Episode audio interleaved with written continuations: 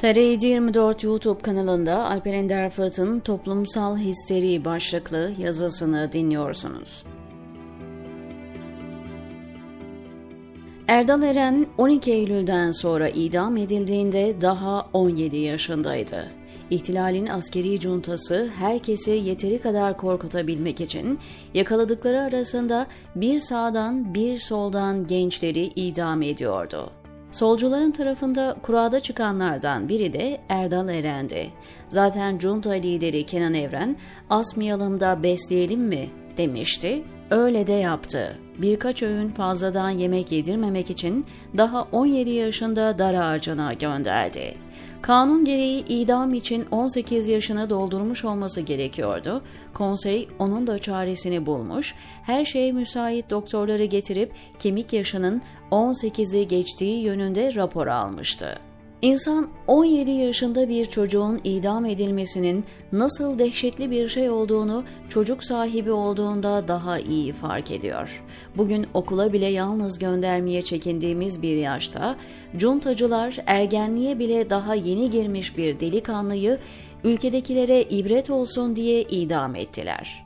Aradan 40 yıl geçti. Bugün Erdal Eren'in idam edilmesi konusu her açıldığında sağdan, soldan, ortadan, kenardan herkes yapanları telin ediyor. Önceki gün ES isimli 17 yaşındaki çocuk Atatürk'e hakaret ettiği gerekçesiyle tutuklandı. 17 yaş her ne kadar biyolojik olarak genç sayılsa da zihinsel olgunluk bakımından özellikle de günümüzde çocukluk dönemidir.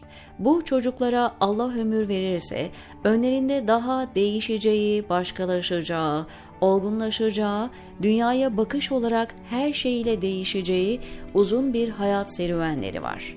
Hakaret etmek, ağır konuşmak, başka birisinin kutsalına saldırmak her yaş için kötü bir davranıştır. Ama bir çocuğu sosyal bir lince maruz bırakmak, ona yakası açılmadık beddualar etmek, öfkeden deliye dönerek derhal cezalandırılmasını istemek toplumsal histeriden başka bir şey değildir. Bence ES'ye yapılan toplumsal bir linçtir ve fiziki linçten hiç farkı yoktur. Hani bu linci sadece sosyal medya trolleri yapmadı. İsmi cismi belli olan, hatta içlerinde siyasetle uğraşan insanlar, toplumda bir statüsü olanlar öfkeden çılgına dönmüş, deli divane olmuş gibi saldırdı. Mesela İyi Parti'de siyaset yapan bir zat, bu çocuk için diyor ki, dedesinin torunu ömür boyu ışık görmesin. Erdal Eren örneğini tam bunun için verdim.'' Erdal Erin'in 17 yaşında olmasına rağmen idam edilmesi konjonktürel bir şeydir. Dünyanın ve ülkenin içinde bulunduğu durum ve juntanın elindeki güç onlara bunu yapma cesareti veriyordu. Aynı konjonktür ve güç bunların elinde olsa ES isimli çocuğun da canına kıymaktan zerre tereddüt göstermeyeceklerdi.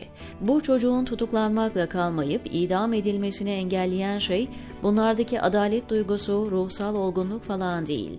Ellerinde yeterli güç olmaması ve bugünkü dünya şartlarının buna imkan vermemesi. AKP iktidarına ve Recep Tayyip Erdoğan'a duyduğu öfkeyi 17 yaşında bir çocuktan çıkaran az gelişmiş, hatta hiç gelişmemiş bir zihniyetle karşı karşıyayız. Oturup 17-25 Aralık operasyonlarından sonra iktidarı Recep Tayyip Erdoğan'a altın tepside nasıl sunduklarının, en kritik zamanlarda bu hırsız güruhla nasıl iş tuttuklarının, yargıyı hep beraber nasıl saraya bağladıklarının hesabını vermeyenler, birikmiş toplumsal öfkeyi 17 yaşında bir çocuğun üzerine boca ediyor. Siz önce 15 Temmuz Ergenekon saray iktidarıyla nasıl iş tuttuğunuzun ve ülkeyi nasıl bu hale getirdiğinizin hesabını verin, diyor Alper Ender Fırat TR724'deki köşesinde.